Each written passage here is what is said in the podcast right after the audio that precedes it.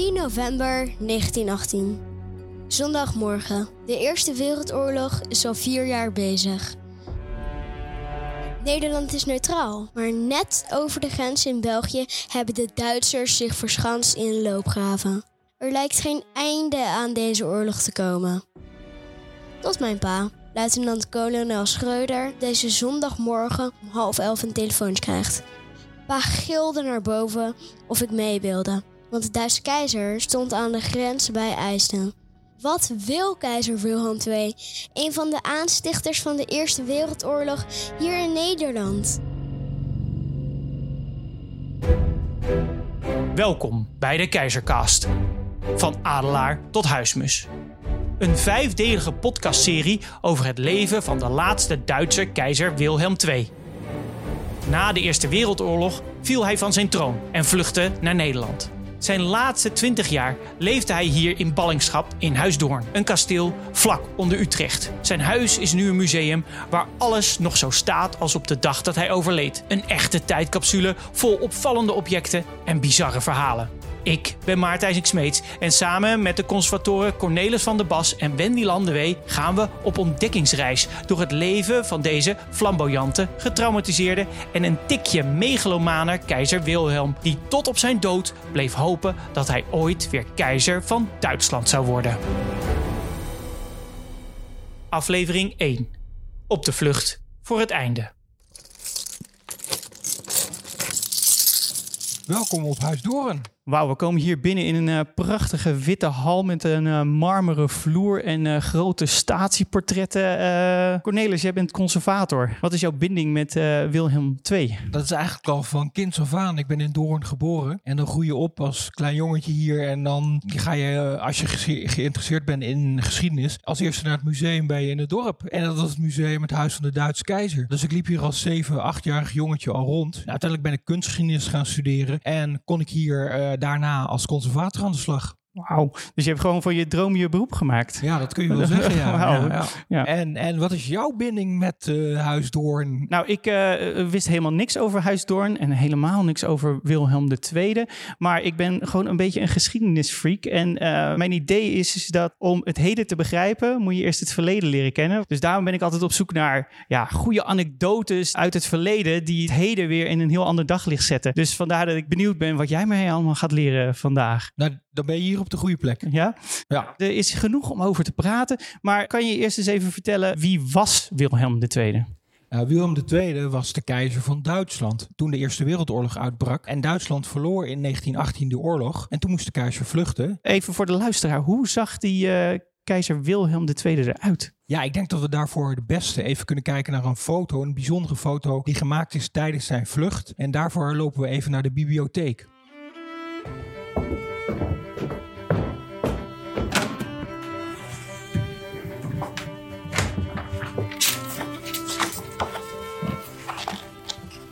Oké, kijk, hier hebben we een, uh, een heel bijzonder boek voor Huisdoorn. Dat is namelijk het dagboek van Sigurd van Ilseman, de vleugeladjudant van de keizer. En in dit boek staat die foto waar ik het over had. Ja. Kijk, dit is de foto.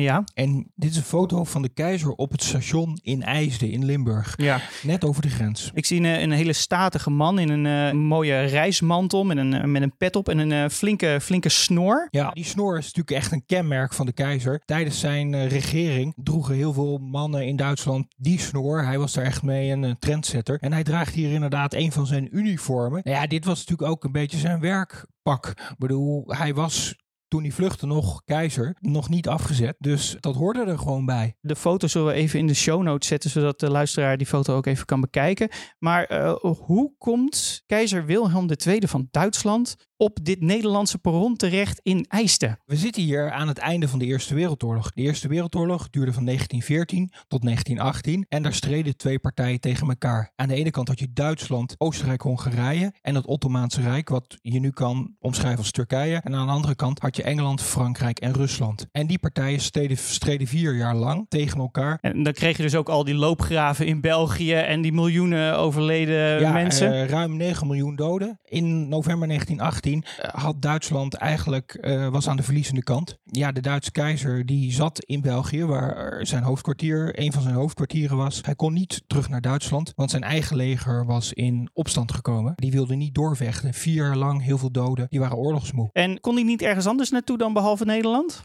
Hij had natuurlijk ook voor andere neutrale landen kunnen kiezen. Nederland was neutraal in de Eerste Wereldoorlog. Hij had naar Zwitserland gekund. Hij had naar Zweden bijvoorbeeld gekund. Maar ja, Nederland was vanuit België natuurlijk heel dichtbij. Ja, helder. En uh, we kijken hier in het, uh, in, in, het boek van Ilsman. Kan je daar misschien iets over vertellen? Ja, het is een heel bijzondere bron voor ons museum. Uh, Sigurd van Ilsman die is met de keizer meegevlucht. En hij heeft een dagboek bijgehouden. Dat, dat is dit boek. Ja, en van Ilsman beschrijft heel gedetailleerd hoe die vlucht ging. En zijn vlucht begint dus vanuit zijn hoofdkwartier. Waar was dat? Dat was in Spa. Wij kennen dat allemaal van het drankje. Maar dat is een plaats in België waar hij zijn hoofdkwartier had. Ah, uh, hoe verliep die vlucht? Nou, dat was een hele spannende reis. Uh, het eerste deel van de reis ging per trein, maar de trein moest langs Luik. En in uh, Luik waren al troepen die in opstand waren gekomen. Dus men durfde niet met die trein langs Luik te rijden. En Van Ilseman beschrijft hoe op een gegeven moment die trein stopt en zij overstappen in auto's.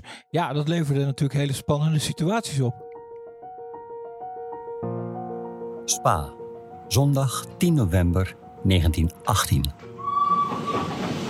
De stationschef met rode pet lichtte de keizer met een lantaarn bij door het donker station door de duistere nacht naar de grote weg waar de auto's zouden staan, maar die waren er nog niet.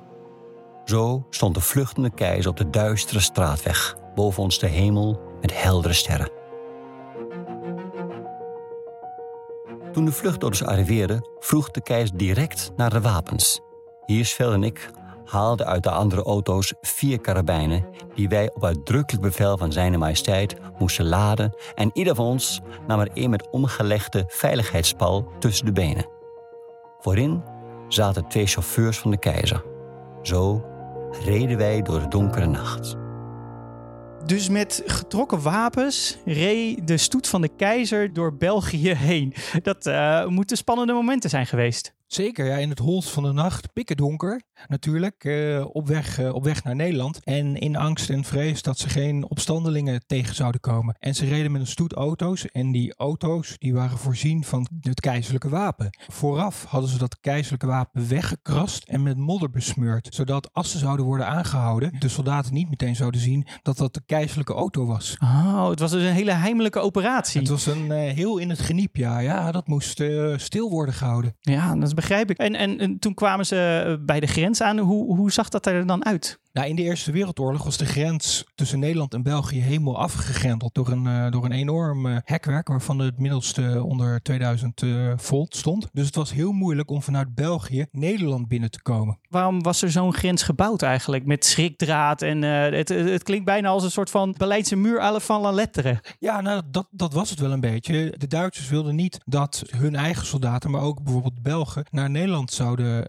vluchten. Dus ja, daar werd de keizer nu zelf ook mee geconfronteerd. Ah ja. Het voelt heel erg alsof de keizer eigenlijk zijn eigen volk aan het deserteren was. Klopt dat ook? Ja, dat is, ja, dat is wel een hele interessante vraag. Zo heb ik er zelf nog nooit naar gekeken. Uh, maar ja, zo zou je het bijna wel kunnen, kunnen noemen. Ja. En, en ja, troepen die in de Eerste Wereldoorlog deserteerden, die, die kregen vaak de kogel. Uh, die werden doodgeschoten. Dus ja, dat, dat, ja, dat is een interessante, interessante opmerking. Ja, en de keizer vreesde ook enorm voor zijn leven. Hij had natuurlijk gezien hoe dat in Rusland was gegaan met de, de Russische tsaar. Die was in 1918 uh, vermoord. En hij was bang dat dat uh, met hemzelf ook zou gaan gebeuren. Nou ja, en dit speelt zich natuurlijk allemaal af, op 10 november 1918. Een dag voordat de wapenstilstand van de Eerste Wereldoorlog wordt getekend. Ja, dus Wilhelm II ging net op tijd uh, kneper tussenuit. Hij was net op tijd gevlucht. Na ongeveer anderhalf uur rijden wederom een wachtpost.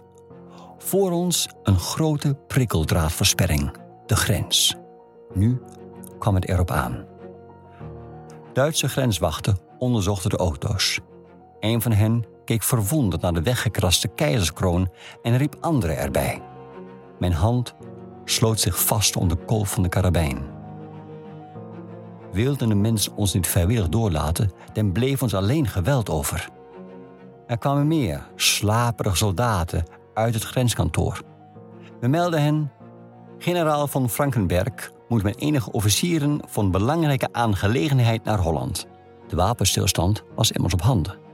De grenswachten namen genoeg met deze verklaring. De poort naar de vrede werd geopend.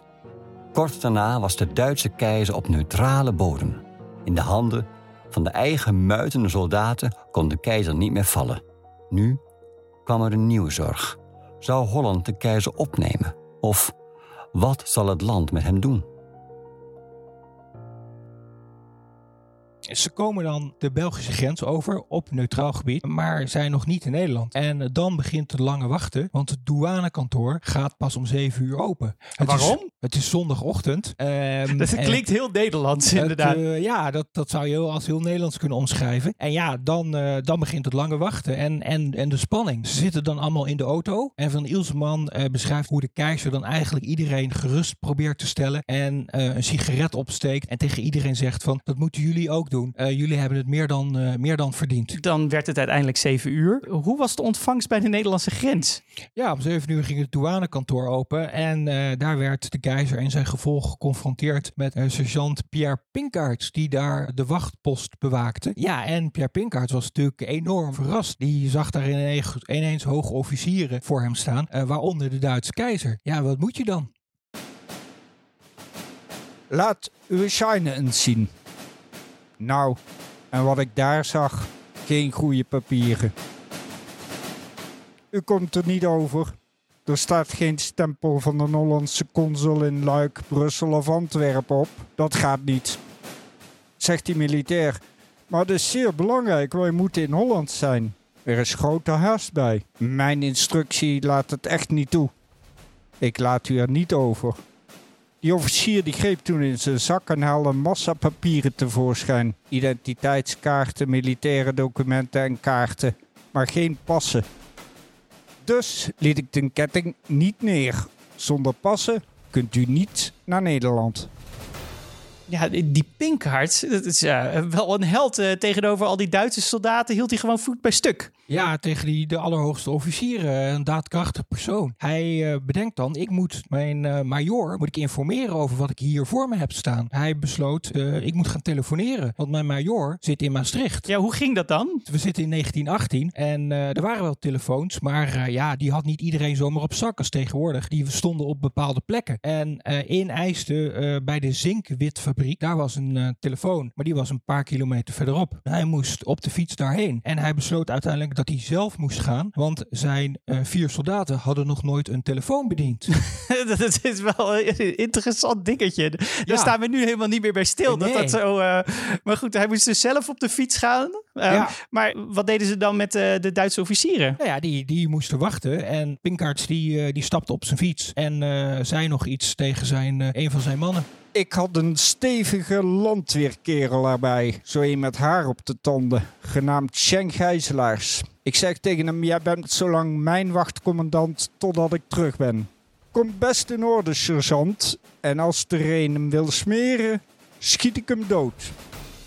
Die Limburgers die laten zich wel even van hun eh, sterke kant zien. Absoluut, nee, dat kun je wel zeggen. En eh, wat gebeurde er toen na dat belletje? Na dat belletje kwam de major naar, eh, naar de grens. En die major begeleidde de keizer naar het station van IJsden. Oh, en dan zijn we weer terug bij de foto die hier voor ons ligt. Precies, dan zijn we op, het, op dat moment waar de keizer op het station van IJsden staat. En de trein die was nog niet gearriveerd. Die arriveerde pas om tien over acht. Dus ja, zij moesten daar op het station wachten tot de trein kwam. Wat gebeurde er voor de rest daar op dat station? Nou, het was natuurlijk vroeg in de ochtend. De, de inwoners in IJsden die werden wakker. En die hadden natuurlijk in de gaten eh, dat er iets, eh, iets gebeurde. Die zagen opeens de Duitse keizer staan waar ze eigenlijk al vier jaar mee in oorlog waren. Eh, nou, zij zelf niet. Zij waren zelf niet met hem in oorlog. Maar ze zagen inderdaad de Duitse keizer in één keer op het perron van IJsden lopen.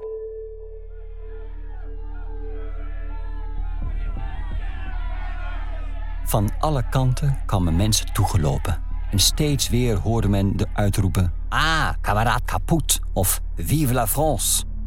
Men zag dreigende vuisten en andere weerzinwekkende blijken van afkeer. Men hoorde foeigeroep en er klonk schel gefluit. Het deed me pijn dan in de ziel voor de arme keizer. Hij liep echter rustig op en neer, alsof hij niets zag of hoorde. Fotografen maakten kiekjes. Het was een verlossing toen de trein binnenliep die de keizer voor verdere vernedering beschermde. Ja, die trein van Wilhelm, hoe zag die er eigenlijk uit? Ja, dat was een hele bijzondere trein. Dat was een hoftrein uit meerdere wagons met allemaal ja, hun eigen functies. Slaapwagons, eetkamerwagons. Dus dat was van alle gemakken voorzien. Echt een prachtige, prachtige trein. Een soort van eh, eerste klas hotel op wielen. Zoiets, ja. Het was een eh, eerste klas op, eh, op wielen. En de keizer die verbleef ook heel graag in die trein. Ah, oké. En eh, mocht die trein toen gelijk doorrijden? Eh, nee, die mocht niet doorrijden, want die moest op het station in IJsden wachten. Want de Nederlandse regering had nog niet eh, toestemming gegeven dat de keizer Nederland zou mogen betreden. De vraag was nu: zou Holland de keizer opnemen? Of zal het dit uit eigen beweging of onder druk van de Entente, Groot-Brittannië, Frankrijk en Rusland weigeren? Uur na uur verliep. Het wachten werd tot een kwelling. Toen het tijd voor het middageten was, vroeg de keizer de aanwezige Hollands diplomaat of hij niet mee wilde eten. Aan de manier waarop deze weigerde, meenden wij te bemerken dat Holland asiel zou weigeren. Nog meer wachten. Wat, wat, wat gebeurde er tijdens dat nog meer wachten? En ja, de spanning was natuurlijk eh, om te snijden, omdat eh, ja, wat, wat gaat de Nederlandse regering doen? Er is ook een heel mooi verhaal van een, eh, de stationschef. Ja, die had op zijn, op zijn station nog nooit zo'n bijzonder persoon eh, gehad. En het bijzondere verhaal gaat dat de eh, stationschef van de keizer een sigaar kreeg. Een sigaar? Ja, de keizer deelde graag sigaren uit. Dat deed hij later in Nederland ook. En hij kreeg, de stationschef kreeg dus eh, van de keizer een sigaar. Sigaren waren waarschijnlijk toen in eh, 1918 ook nog niet zo eh, wijd verspreid. Nee, dat- die werden alleen gerookt door de rijkere mensen. De gewone man die, eh, die rookt een sigaret. Dus dat was een heel bijzonder geschenk wat de stationschef kreeg. En die heeft hem ook nooit opgerookt. Hij heeft hem bewaard. En eh, het bijzondere eh, is dat de stationschef, zijn nabestaanden, hebben die eh, sigaar uiteindelijk aan, weer aan Huis Doorn geschonken. Oh, dus die ligt hier. Die ligt hier in het museum. Die is uiteindelijk weer teruggekomen. Echt waar? Kunnen we Ja. er even naar kijken? Ja. Nou ja, je ziet, hem, eh, je ziet hem hier liggen op het bureau van de keizer. Oh, wauw. Het zijn van die gekke dingen, maar dan wel dat je nee, ja, de, dat eh, de geschiedenis dan opeens heel tastbaar wordt. Wil je die sigaar van eh, keizer Wilhelm nou zien? Eh, kijk dan even in de show notes. Daar eh, zetten we een foto neer van de sigaar. En eh, nou ja, mooi dat hij toch weer zijn weg eh, terug heeft gevonden naar de keizer. Ja, dit, is- zo'n object, dat, dat is de his- historische sensatie. Vooral natuurlijk als je het verhaal erachter kent. Eindelijk. Tegen de middag kwam het eerste bericht. De koningin, Wilhelmina, was diep geroerd over de droevige toestand waarin de keizer zich bevond. Maar om te kunnen beslissen wat er met ons moest gebeuren, moest eerst een ministerraad worden bijeengeroepen. De wijze waarop ons dit werd medegedeeld, liet zeer goed de mogelijkheid open dat men ons niet zou opnemen. Frankenberg meende zelfs dat Groot-Brittannië Frankrijk en Rusland misschien de uitlevering van de keizer zou eisen. Dit wachten de hele dag maakte angstig. Wat heeft nou uiteindelijk de doorslag gegeven dat Wilhelm toch hier in Nederland mocht komen? Nou ja, daar is een hele lange discussie aan vooraf gegaan tussen de reg- Nederlandse regering en ook eh, koningin Wilhelmina was, daar, eh, was daarbij betrokken. Eigenlijk eh, was het dilemma, eh, je laat de Duitse keizer binnen, die door Engeland en Frankrijk als een oorlogsmisdadiger werd beschouwd. Maar de Nederlandse regering zei ook van ja, we hebben de afgelopen vier jaar in de Eerste Wereldoorlog ook een heleboel mensen opgevangen. Er waren 1 miljoen Belgen naar Nederland gekomen, die hier ook eh, tijdens de Eerste Wereldoorlog, en althans een deel daarvan, zijn, zijn verbleven. Uiteindelijk zei de regering, we laten de Duitse keizer toe als burger. Dus eh, we beschouwen hem als burger, niet als de keizer van Duitsland. En als burger is hij van harte welkom.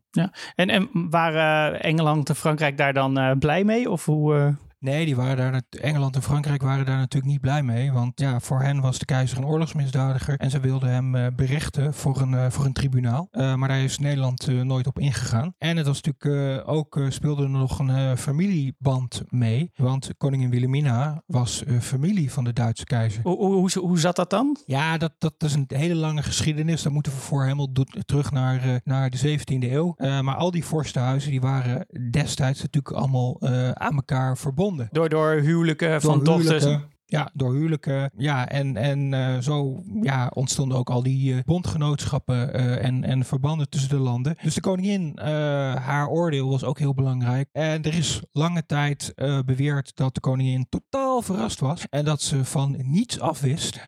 maar in 2018 heeft professor Beatrice de Graaf van de Universiteit Utrecht een aantal hele belangrijke documenten ontdekt. Waaruit bleek dat de koningin wel degelijk wist dat de keizer naar Nederland zou vluchten, mocht Duitsland de oorlog uh, verliezen. Oh, en hoe, hoe is ze daar dan achter gekomen? Ja, ze heeft daar uh, uitgebreid onderzoek naar gedaan in, uh, in archieven. En er wordt ook onder andere beschreven dat uh, Van Heuts, een Nederlandse officier, in Spa is geweest. Dus waar het hoofdkwartier was. Nou ja, dat is natuurlijk ook opmerkelijk. Wat doet Van Heuts vlak voor 10 november daar in Spa? Dat maakt ook verdacht. Ja, een soort van smoking gun. Het is een smoking gun, ja. En er is zelfs een document waaruit blijkt dat er kisten met, met spullen van de keizer naar Oldenzaal zou worden gebracht. En dat document dateert al van oktober 1918. Dus voordat dit allemaal begon. Oh, oké, oké. Dus hij had uh, zijn bedje eigenlijk al gespreid, maar uh, toch kwam hij hier, uh, niemand wist ervan. Nou ja, toch werden een heleboel mensen inderdaad verrast. En hij moest natuurlijk in Nederland worden opgevangen. Hij niet alleen, maar ook de mensen die met hem meekwamen. 40 man in totaal. En waar breng je die onder? Ja. Zoveel mensen. Toen heeft de regering gebeld met de commissaris van de koningin van Utrecht. En die is hier gaan rondbellen in de provincie Utrecht wie de keizer kon opvangen. En, en waar, bij wie kwamen ze dan uiteindelijk uit? Bij graaf van Oldenburg Bentink, de eigenaar van kasteel Amerongen. En hij was lid van de Johanniter Orde, een soort broederschap. En de keizer was ook lid van die, diezelfde club, diezelfde broederschap. En die beloven elkaar trouw in geval van nood. Dus uh, graaf Bentink zei tegen de keizer, je bent welkom op mijn kasteel. Dus de keizer zou naar Amerongen gaan. Maar je kunt je wel voorstellen wat dat voor het kleine dorpje Amerongen wel betekende. In het anders zo stille, eenzame slot Amerongen ontstond een drukte als in een verstoord mierennest. De beide hotels ter plaatse werden door de graaf afgehuurd. Heel lastig was het dat zondags geen inkopen kon worden gedaan en de keizer met een gevolg en een personeel van ongeveer 40 mensen na 24 uur reeds zou arriveren. De telefoon rinkelde bijna onophoudelijk. Van middachten kwamen paarden en bedienden, nieuw personeel werd aangeworven in het dorp, graaf Bentik van Zuiderstein bracht fazanten. Kortom, een ononderbroken komen en gaan, overal een grote activiteit. Bovendien wist, afgezien van familieleden, niemand wat dat alles te betekenen had, daar de aankomst van de keizer strikt geheim werd gehouden.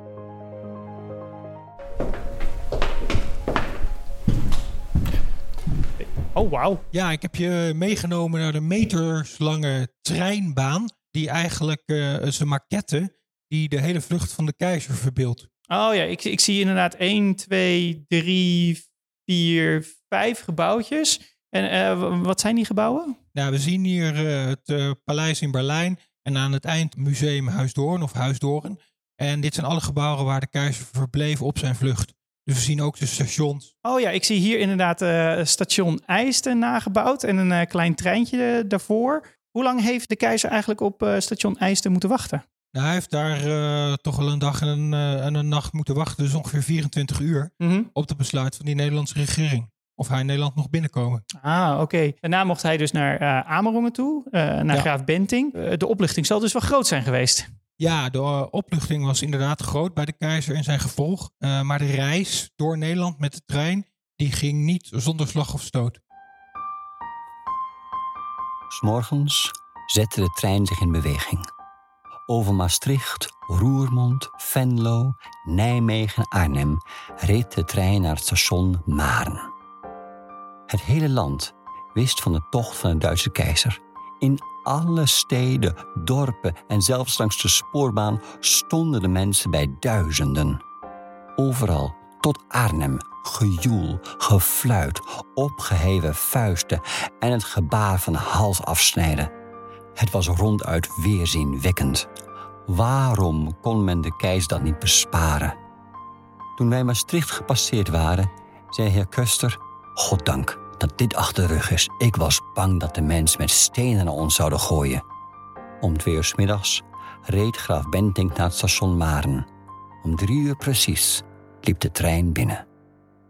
Ja, nog een eh, eh, leuk feitje of bijzonder feitje is het uniform dat de keizer droeg toen hij in Nederland kwam. We zien dat hier. Oh ja, wauw. Het eh, ziet er chic uit. Een beetje grijs met mooie lappen van die hele grote schouderpartijen inderdaad. Dit had hij aan tijdens zijn reis. Ja, en met dit uniform stapte hij uit de trein in Nederland. En de Nederlandse journalisten schrijven dat ze dat eigenlijk ongepast vinden. Dat hij nog het uniform draagt, want hij was in Nederland gekomen als burger. En eh, nu droeg hij het uniform dat hij tijdens de Eerste Wereldoorlog had gedragen. Ja, als officier nog steeds zijn. Nog steeds als officier zijn. Oké, dat stootte dus Nederland nogal eh, tegen de borst. Ja, daar was, er was flink kritiek op, ja. Ja, dat snap ja. ik. Bij kasteel Amerongen aangekomen stond op de brug bij de ingang van het slot de oudste zoon en aan de huisdeur de dochter van de graaf. De keizer begroette haar. Geachte gravin, verontschuldig mij dat ik u lastig val, maar het is niet mijn schuld. Van station Maan ging hij dus naar Amerongen. En toen was alles, eh, toen was hij veilig, toch? Hij was op Amerongen eh, niet helemaal veilig. Oh. Nee, nee. Hij was, er was toch nog eh, een dreiging. En die dreiging bestond eigenlijk uit twee delen. Mhm. Eh, natuurlijk was er de angst voor de uitlevering. Engeland en Frankrijk vroegen om de uitlevering aan Nederland. Mhm. Dat was een angst. Maar er was ook angst voor aanslagen op de keizer. Ja. Want er waren nog altijd Belgen en Fransen en Engelsen die de keizer een kopje kleiner wilden maken, zeg maar. ja. En er was zelfs een Belgische piloot die Amerongen wilde bombarderen. Oh, Eh, dus op een gegeven moment is er ook besloten om een vliegverbod boven Amerongen af te kondigen. wauw. Dat, eh, al- al- alles om deze vluchteling te beschermen. Steeds donkerder wordt voor ons de toekomst. De keizer wil zich onder geen beding aan Engeland en Frankrijk overgeven. Ik wil me niet door de straten van Parijs of Londen laten slepen om te worden bespuwd en dan door die schofte onthoofd. Want daarom bestaat geen twijfel. Ben ik eerst in hun handen, dan brengen ze mij om hals. Die smaad en schande mag ik mijzelf, mijn huis en Duitsland niet aandoen. Die triomf gun ik de vijand niet. Hoe zag het leven van de keizer eruit op eh, kasteel Amerongen? Nou, de keizer leefde daar samen met zijn vrouw, de keizerin. Die was eh, in november eh, 1918 ook naar Nederland gekomen en naar Amerongen. Eh, en eigenlijk leefde zij volgens een vast dagritme. Nou ja, natuurlijk opstaan en dan 9 uur ochtendgebed. Dan werd er in de tuin gewerkt. Eh, dan werd er een middagdutje gedaan. Dan werd er gelezen. Ja, en zo verliep die dag tot acht uur 's avonds. Wanneer met de familie Bentink eh, werd het dan gedineerd. En zo ging het dag in, dag uit. En Van Ilseman eh, die beschrijft dat ook heel erg mooi. Hoe, dat, hoe die dagen steeds hetzelfde, hetzelfde waren. Ja. Eh, was de keizer op een gegeven moment de graaf in Amerongen een beetje tot last? Ja, dat zou je wel kunnen zeggen. De keizer zou aanvankelijk maar drie dagen op kasteel Amerongen verblijven. Maar dat werd eh, ruim anderhalf jaar. Wauw. Eh, en je moet je wel voorstellen, dat kost nogal wat om zijn keizer eh, samen met zijn vrouw te logeren te hebben. Amerongen, 26 december 1918. Kerstmis. De toestand heeft zich, dank, iets te onze gunsten gewijzigd. Het is bewonderenswaardig hoe graaf Bentink met opoffering van eigen vrijheid het leven van de majesteit zo aangenaam mogelijk maakt. S'avonds duurt het de graaf nu vaak te lang, maar steeds weer is hij aanwezig met dezelfde hoffelijkheid en vriendelijkheid. Niet velen kunnen dat. Hij is nu eenmaal a real gentleman, zoals de keizerin eens zei. Waarom duurde dat zo lang dat hij zo eh, lang in Amerongen eh, heeft verbleven? Dat heeft een aantal redenen. Wat moest er gebeuren met de keizer die hier zat? Mhm. Terwijl Engeland en Frankrijk nog om zijn uitlevering vragen, kun je hem niet zomaar hier permanent huisvesten. Juist. Dus dat was, was een onzekere eh, Mhm. Ehm, ja, en op een gegeven moment moest de keizer natuurlijk ook op zoek naar een eigen woning. Mhm. En ja, die waren natuurlijk ook eh, niet zomaar voorhanden. Maar Huis Doorn stond te koop en dat heeft hij in 1919 eh, kunnen kopen. Aha. En waarom is de keuze op Huis Doorn gevallen? Nou, Huis Doorn eh, beviel de keizer vooral omdat er een groot park omheen zit. En in dat park kon hij zich vrij bewegen. Hij mocht binnen Nederland niet zomaar vrij reizen, Mhm. maar binnen zijn park wel. En het huis is natuurlijk relatief klein als je het vergelijkt met de paleizen waar hij gewend was te wonen. Ja, want ik, ik zie hier in die maquette een enorm paleis aan de rechterkant staan. Eh, waar stond dat paleis? Dat stond eh, in Berlijn. En ja, daar past Huis Doorn wel twintig keer in. Dus Dus, hij moest kleiner gaan hokken. Hij moest kleiner gaan hokken. En er wordt ook wel gezegd dat dit het keizerlijke kippenhok was. eh, omdat het zo klein was. Ah, oké. Maar met Huis Doorn kreeg hij dus wel een bepaalde mate van vrijheid weer terug. Ja. Maar de familie Benting neem ik aan ook. Ja, de familie Bentinck natuurlijk helemaal. Want die hadden eh, ruim anderhalf jaar de keizer als gast gehad. Hm. En toen, in die periode, was het kasteel hermetisch afgesloten. Je kon niet makkelijk in- en uitlopen. Ah, Eh, en nu de keizer weg was, eh, was die vrijheid er weer. En de dochter van graaf Bentinck, Elisabeth, beschrijft dat in haar dagboek.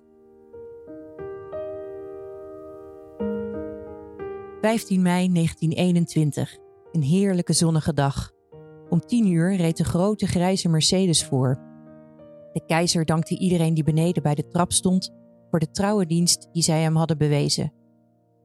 Ook de keizer bedankte papa zeer hartelijk en stapte toen in de oude oorlogswagen die hem over zoveel slagvelden had gereden. Deze keer zou hij hem naar zijn thuis in den vreemde voeren. Langzaam zette de grote auto zich in beweging en reed geruisloos over het slotplein. Toen hij de poort naderde, vloog het ijzeren hek open en het politieteam dat de ingang zo lang had bewaakt, salueerde en langzaam onttrok de wagen zich aan onze blik. Enige ogenblikken later werden alle poorten wijd opengezet om nooit meer gesloten te worden. De toegang tot kasteel Amerongen was weer vrij voor de hele wereld. Dit was de eerste aflevering van de Keizercast. In aflevering 2 gaan we kijken hoe het leven van de gevluchte keizer eruit zag hier in Huisdoorn. En om alvast een tipje van de sluier op te lichten, dat was veel houthakken, zelfs met zijn gehandicapte linkerarm. Deze podcast werd gemaakt door het podcasteel in opdracht van Huisdoorn. Mijn naam is Maarten IJsink-Smeets en voor meer informatie verwijs ik u graag door naar de show notes en de website van Huisdoorn. Wilt u de verhalen van de podcast echt beleven? Kom dan langs in het museum. Dank voor het luisteren en tot de volgende keer.